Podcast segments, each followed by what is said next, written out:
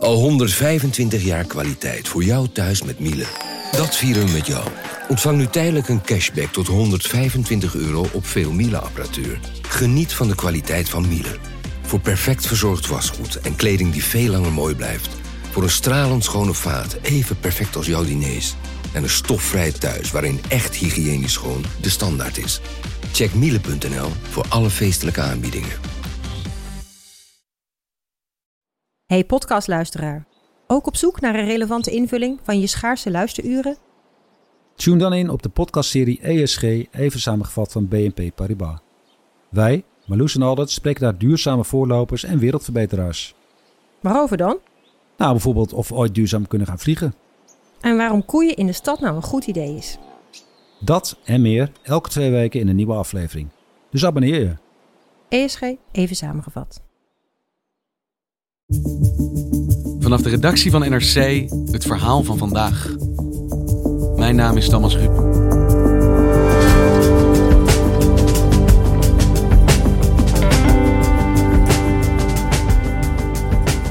India is in de ban van grootschalige protesten. De aanleiding een wet die het voor moslims moeilijker maakt om staatsburger te worden dan voor mensen van andere religies. Discriminatie, zeggen de betogers, in strijd met de grondwet en het inclusieve India dat Gandhi ooit voor ogen had. Heeft premier Modi zijn hand overspeeld?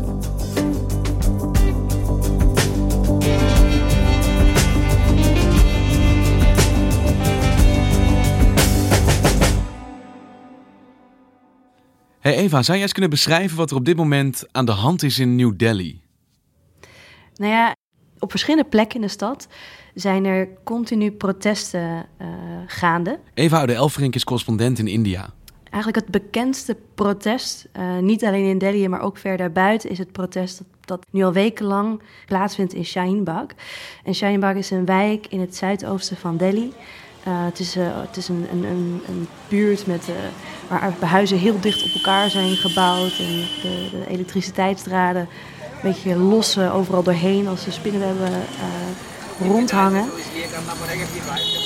Daar aan, op een belangrijke toegangsweg, want het is een beetje aan de rand van de stad, hebben vrouwen eigenlijk plaatsgenomen. In eerste instantie zaten ze gewoon op straat. En gaandeweg is dat protest groter en groter geworden. Is er een tent omheen gebouwd en zijn er zeilen op de grond gelegd. Er zijn veel oudere vrouwen, dus echt grootmoeders, die daar met hun, hun dochters en, en kleindochters naartoe zijn gekomen. En die zitten daar dag in dag uit. En ook de hele nacht door zijn er altijd mensen. Je hoort veel geroezemoes en hoe dichterbij je komt hoor je nou ja, soms gezang, want uh, er, wordt veel gezongen. Soms hoor je mensen leuzen roepen, soms hoor je denk keer een kinderstemmetje door de microfoon. Wat je, ook, uh, wat je ook veel hoort, niet alleen op Shinebaak, maar ook bij andere protesten, is dat uh, een bepaalde tekst, eigenlijk de, de, de, de preambule, dus de inleidende tekst van de grondwet, um, wordt voorgelezen en dat iedereen dat dan massaal napraat. Ik, ik pak hem er even bij. We, the people of India, having solemnly resolved to constitute India into a sovereign, socialist, secular, democratic republic, and to secure to all its citizens justice, social, economic, and political, liberty of thought, expression, belief, faith, and worship, equality of status and of opportunity, and to promote among them all fraternity, assuring the dignity of the individual and the unity and the integrity of the nation. En waarom lezen ze nou specifiek deze tekst voor? Waarom deze woorden? Omdat het benadrukt hoe iedereen in India, ongeacht van hun achtergrond, hun cultuur, de taal die ze spreken, uh, één zijn. Dat zij allemaal samen India vormen. En dat gevoel van wij zijn samen India, daarvoor vreest men dat dat onder, uh, ja, bedreigd wordt. Dat wordt aangevallen door het beleid dat deze regering voert. Waarom vrezen ze daarvoor? Wat zien ze dan gebeuren in India op dit moment? Nou ja, de regering heeft sinds zij in mei van dit jaar is herkozen en daarbij echt een, een, een forse meerderheid in het parlement heeft gekregen, op rap tempo een aantal maatregelen doorgevoerd. En eigenlijk is de belangrijkste maatregel, degene die, eh, die, die voor velen eigenlijk als de druppel voelde, is een nieuwe burgerschapswet. Die is in, uh, in december aangenomen. En wat is dat dan voor wet? Um, deze wet die maakt het makkelijker voor migranten uit uh, drie omliggende landen, Pakistan, Afghanistan en Bangladesh, om India staatsburger te worden. Uh, maar dan op basis van hun religie. En eigenlijk zijn de enige die zijn, worden uitgesloten door deze wet, dat zijn de moslims. Dat staat in die wet. Deze gaat niet op voor moslims. Nou, het staat niet letterlijk in de wet dat die niet opgaat voor moslims. Ze zijn eigenlijk de grote ontbrekende religie tussen de, uh, de zes andere die wel worden genoemd. Dus de wet gaat op voor hindoes, boeddhisten, sikhs, christenen, jains en parsis. Maar dus niet voor moslims. Het ding is dat deze wet niet de enige reden is dat mensen de straat op gaan. Dat zit hem eigenlijk ook in iets anders wat uh, door de minister van Binnenlandse Zaken tijdens de verkiezingscampagne meerdere malen is, is gezegd. En dat is eigenlijk dat deze nieuwe wet pas stap 1 is. Want uh, er komt stap 2 en stap 2 is uh, het opstellen van een nieuw bevolkingsregister. En dat is eigenlijk vooral bedoeld om illegale migranten in het land te detecteren en te kunnen weren. Maar dat vereist dat alle inwoners van India, eigenlijk alle Indiërs, uh, moeten kunnen aantonen met, met documenten dat zij hun oorsprong hebben in India. En dat is nogal wat om te vragen aan, aan, uh, nou ja, aan een land, aan een bevolking, waar het hebben van zulke papieren helemaal niet vanzelfsprekend is. En um, ja, dat maakt hen heel erg bang, want stap 3, daar was uh, de minister van Binnenlandse ook heel helder over. Iedereen die, zich, die dat niet kan bewijzen, die wordt nou ja, illegaal verklaard. En voor hun dreigt detentie. Voor heel veel mensen dreigt een, uh, een heel onzeker bestaan. En eigenlijk, als ik zeg heel veel mensen, dan heb ik het over, eigenlijk alleen over de moslims. Want vrijwel alle andere religies die hier in India wonen, die worden nu dus beschermd door de nieuwe burgerschapswet. Maar het gaat er eigenlijk bijna meer om dat je kan bewijzen dat je geen moslim bent. Dus dat een hindoe uit Bangladesh beter beschermd wordt dan een moslim die al generaties in India woont. Nou, mocht zo'n nieuw bevolkingsregister straks daadwerkelijk komen, dan, dan komt het daar dus eigenlijk wel op neer. En dat is ook waarom mensen zo bang zijn en, en waarom ook zoveel mensen boos zijn hierover. En wie zijn de mensen die nu protesteren? Zijn dat moslims met name die bang zijn dat zij nu of straks gediscrimineerd gaan worden? Of zijn dit bredere bevolkingsgroepen die zien, er wordt hier getornd aan onze grondwet? Het, het, zijn echt mensen uit alle lagen van de bevolking. Ja, het zijn, het zijn, er heel veel moslims die protesteren, maar ze zijn zeker niet de enige. Eigenlijk iedere, vanuit iedere laag van de bevolking zijn er wel mensen die, die de straat op zijn gaan, voor wie dit gewoon te ver gaat. Die zeggen, dit, dit druist in tegen, tegen alles wat, wat, wat India voor ons maakt. Eigenlijk komt het allemaal terug op een vraag die, die al begon te spelen toen, uh, toen duidelijk werd dat, dat, dat er een onafhankelijk India zou komen.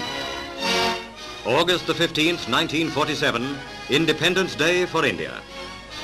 Pandit Nehru, Congress leader, is India's Prime Minister. Mahatma Gandhi, the 78-year-old mystic, stands inscrutable and aloof.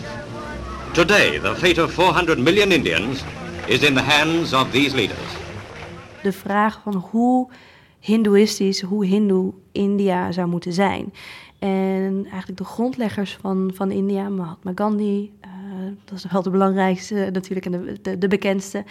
Uh, en Jawaharlal Nehru, wat zijn een beetje zijn, zijn politieke erfgenaam was. Hij werd uh, eerste premier. Die zagen een, een, een, een India voor zich waarin, waarin iedereen gelijk moest zijn.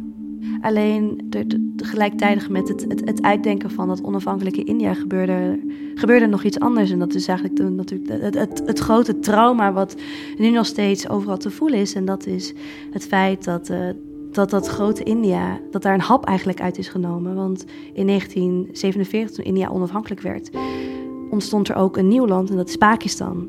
En Pakistan werd daarbij, uh, nou, het, het, het werd gesticht als het thuis van, van de moslims. En die opdeling van Pakistan en India, kwam dat ook overeen met de geografische werkelijkheid? Of lagen die lijnen anders?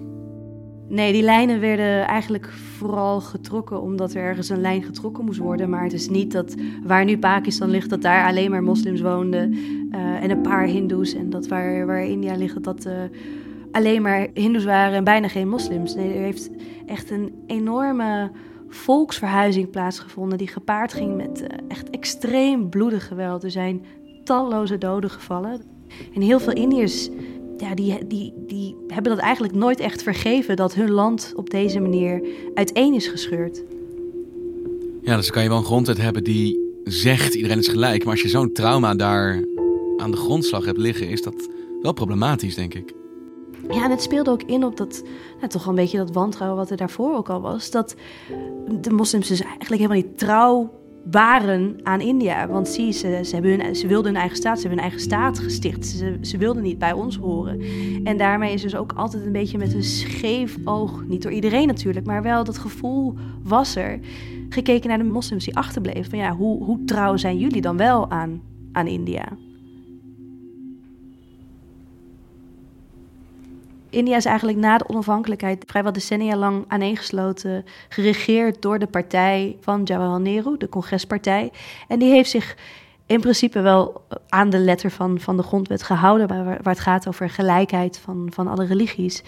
Nu groeide alleen wel met de jaren het gevoel onder, onder Hindoes in de samenleving. En dat is soms terecht en dat is uh, soms ook aangewakkerd door partijen, door Hindoe-nationalistische partijen, dat zij uh, benadeeld werden. En hoe uitte zich dat, dat bredere gevoel van onvrede onder Hindoes?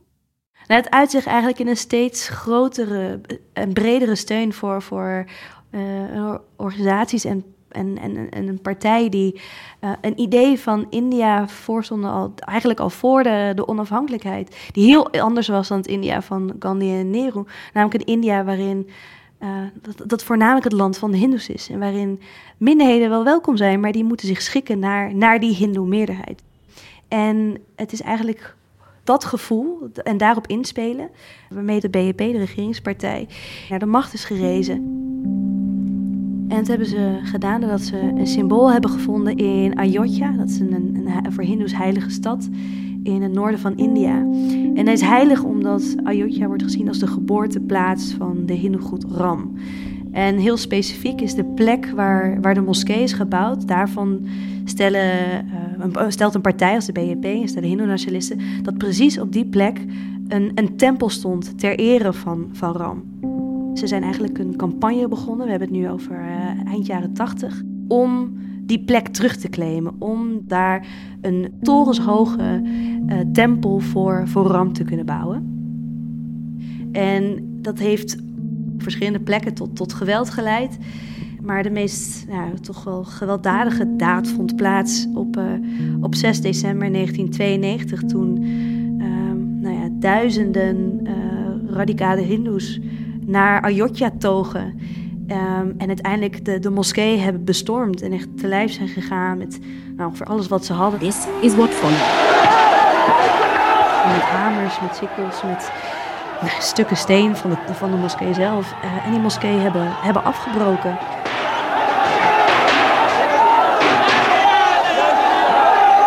Het was echt de springplank voor de BEP, die tot dan toe eigenlijk een vrij minimale uh, rol speelde binnen de Indiaanse politiek. En toen echt de grote oppositiepartij werd. Echt de grote uitdager van, van de congrespartij. En uh, nou ja, een belangrijke rol, ook al in die, in die, die campagne rondom de, de, de, de tempel die er moest verschijnen, op de plek waar de moskee stond, was weggelegd voor een, eh, een toen nog uh, nou ja, vrij lokale politicus uh, uit Gujarat, genaamd Narendra Modi. Inmiddels premier. Inmiddels premier, inderdaad. Modi was toen nog eigenlijk een, een, een gewone politicus bij de BNP. Niet met een, uh, een hele hoge positie. Maar die, uh, die, die kreeg, hij, kreeg hij wel uh, niet heel lang daarna. Want hij werd in 2001 werd hij, benoemd tot, tot deelstaatleider van Gujarat. De deelstaat waar, waar hij vandaan komt. Niet lang nadat hij was aangesteld, we hebben het echt over een, een, een, een aantal maanden, uh, gebeurde iets in Gujarat wat, wat zijn stempel op, op, op, op Modi en op, uh, op de deelstaat zou drukken. Nou, zeer goedenavond. India heeft honderden militairen naar de westelijke provincie Gujarat gestuurd in de hoop een einde te maken aan de uitbarsting van religieus geweld. Een deel van de Hindoe-bevolking zint op wraak nadat eerder deze week moslims een aanslag pleegden op een trein vol Hindoeïstische passagiers. Vooral in de stad Ahmedabad trekken bendes moordend en brandstichtend door de straten. We hebben het over een trein die op weg terug was uit Ayodhya, dus die plek waar die moskee was neergehaald, bijna tien jaar daarvoor. En in die trein zaten Hindoe-pelgrims die, eh, die die plek hadden bezocht. Het is wel een beetje onduidelijk wat er precies is gebeurd, maar er is een brand ontstaan in een van de treincompartimenten en die brand heeft zich ontzettend snel verspreid. En daarbij zijn uh, tientallen Hindoe-pelgrims zijn omgekomen. En Modi, toen de deelstaatleider was, die, uh, die bestemde dat eigenlijk vrij snel als een, als een geplande daad van terreur. En in de nadagen van deze gebeurtenis is er dus een enorme eigenlijk geweldsexplosie heeft er plaatsgevonden door heel Gujarat. En dit geweld, dat, dat, raaste weken voort. En uh, nou, de schatting is dat meer dan duizend mensen, waarvan uh, veruit de meeste moslim, hierbij zijn omgekomen bij dit geweld. En Modi was op dat moment, uh, was op dat moment aan de macht. Hij was de deelstaatleider. En hij uh, wordt er dan ook van, door velen van beschuldigd dat hij er niets aan heeft gedaan om, om die redden te stoppen. Dat, dat hij het heeft laten gebeuren. En dat heeft hem uh, internationaal echt een, een, nou ja, een, een persona non grata gemaakt. onder andere de Verenigde Staten hebben een reisverbod voor hem opgelegd. Hij werd enorm controversieel, maar in, in Gujarat, in, in zijn deelstaat zelf Helemaal niet. In tegenstelling, er vonden niet heel lang daarna verkiezingen plaats. En toen won hij en, toen, en, zijn, en zijn BNP um, ehm, wonnen toen met overmacht. Maar hij is dus eigenlijk groot geworden op de vleugels van die spanningen tussen die religieuze groepen, die hij zelf ook mede hielp aanwakkeren. Maar dat lijkt me nog wel een hele grote stap. Als er zoveel controverse om je heen hangt, om dan premier van India te worden. Nee, dat klopt. Maar hij is ook niet premier geworden eigenlijk op die, op die hindoe-nationalistische agenda. Want die heeft hij in, in de daaropvolgende jaren heeft hij die een beetje naar de achtergrond laten verdwijnen. En heeft hij zichzelf een heel nieuw imago aangemeten. En dat is dat, het imago van, van Modi, de, de hervormer. Degene die zijn deelstaat Gujarat heeft ontwikkeld. Die grote bedrijven uit, uh, uit andere delen van het land naar, naar, naar zijn deelstaat heeft gehaald. En, en met die boodschap, wat ik hier in Gujarat heb gedaan Laat mij dat in heel India doen. Experts are unanimous that India is one of the world economy's brightest spot. This is the result of good policy, not good fortune. Zijn, zijn credo was ook Aceh Din. आप बताइए आपको भरोसा है ना अच्छे दिन अच्छे दिन ja, we willen jullie goede dagen brengen. En dat is, dat is eigenlijk de grote belofte, de, de, de modi waar heel veel mensen voor hebben gekozen. Natuurlijk was er altijd ook wel de achterban uh, die hem steunde vanwege hun hindoe-nationalistische agenda. Maar er zijn ook heel veel mensen die echt uh, behoefte hadden op dat moment aan zo'n frisse wind. Dus hij is eerder premier geworden op een agenda van economische ontwikkeling dan dat hindoe-nationalisme wat we eerder van hem zagen. En is dat dan nu weer aan het terugkomen, onder meer met die nieuwe wet? Het is, uh, het is nu inderdaad veel meer naar de voorgrond gekomen. Maar in het verleden bleek in ieder geval dat Modi wel baat had bij opgelopen spanningen tussen bevolkingsgroepen. Dat leverde hem verkiezingssucces op. In hoeverre geldt dat nog steeds? Dat als deze protesten doorgaan en tot meer spanning in de samenleving leiden, dat hij uiteindelijk daarvan de lachende winnaar is? Nou, het is wel de tactiek die de BNP nu wederom hanteert. Want dit weekend zijn er deelstaatverkiezingen in Delhi. En eigenlijk is die hele campagne wederom gericht op eigenlijk een beetje verdeeldheid zaaien tussen de Hindoes en de moslims. Omdat, om, om weer een beetje die, die, waar we het eerder over hadden, dat, dat, die, dat trauma van 1947, om dat gevoel weer op te roepen. Daar wordt nu weer, uh, nou ja, dat is, dat is echt de kernstrategie van hun campagne op het moment. Terwijl jij ziet dat dat niet helemaal klopt, niet overeenkomt met de werkelijkheid. Want jij ziet ook Hindoes die protesteren. Precies, en dat is ook wat zij willen uitdragen. Van wat, wat, wat deze regering wil, wat zij voor zich zien, dat is niet hoe wij India voor ons zien. Waar streven ze dan nu naar? Want deze wet is in werking getreden. Dat is een realiteit op dit moment. Hebben zij nog middelen om dit ongedaan te maken? Er zijn echt tal van petities bij het India's Hoge Rechtshof ingediend. Met het argument dat deze, dat deze nieuwe wet tegen de grondwet indruist. Uh, en daar gaat het Hof zich dus nog over buigen. Dus er is, uh, mensen houden nog hoop dat de wet um, door het Hof wordt afgewezen. Want de regering heeft al uh, vrij duidelijk gemaakt dat zij geen zins van plan is om die wet terug te trekken. Hoe, hoe hevig de protesten ook, uh, ook zullen zijn en hoe lang ze ook zullen voort, uh, voortduren. Zij zijn niet van plan om iets aan die wet te doen. Dus het kan nog wel even gaan duren dat de mensen daar op straat staan. Dat is, uh, dat is wel wat zij, wat zij voor ogen hebben, inderdaad. de mensen die ik heb gesproken, onder andere bij Bak, dus, dus een van de, van de grote protestlocaties in Delhi, zeiden ook van ja, wij, wij gaan nergens naartoe. Of deze wet gaat weg, of de regering gaat weg, maar wij, wij blijven zitten tot het zover is. Dankjewel, Eva. Geen dank.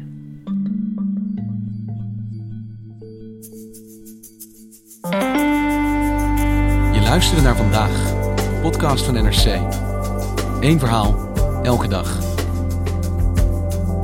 Dit was vandaag, morgen weer.